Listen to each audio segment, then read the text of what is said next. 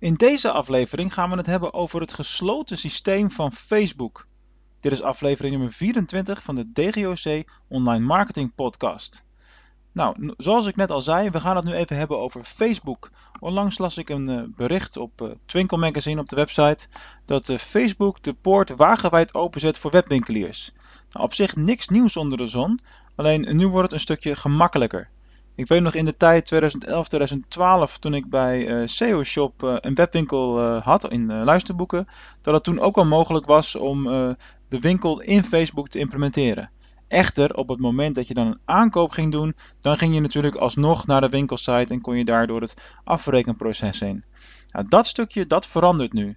Bijvoorbeeld gebruikers van Shopify, dat is een tool die vooral in Amerika wordt uh, gebruikt, hebben nu uh, een proef al achter de rug. En voor hun is het mogelijk om de shop helemaal in Facebook te laden, het, alles daar te laten plaatsvinden, tot en met het afrekenproces zelf.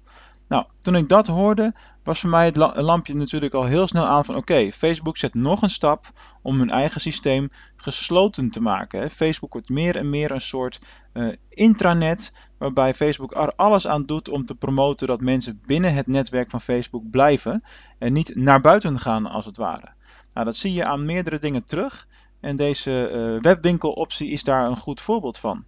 Een ander goed voorbeeld is natuurlijk het voorbeeld rondom videomarketing waarbij je tegenwoordig uh, zelf uh, video's binnen Facebook kunt uploaden, zodat mensen direct de video's kunnen bekijken.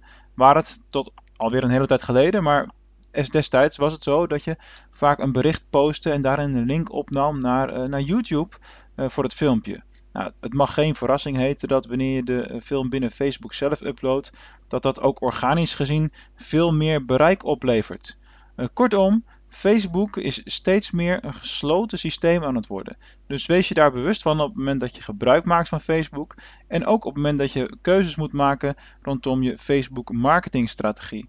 Dus als jij keuzes maakt om mensen vanuit Facebook naar een andere website te sturen, dan zal dat waarschijnlijk duurder uitpakken dan dat je mensen acties kunt laten doen binnen Facebook zelf. Dus onderzoek de mogelijkheden voor jezelf en kom tot je eigen conclusies.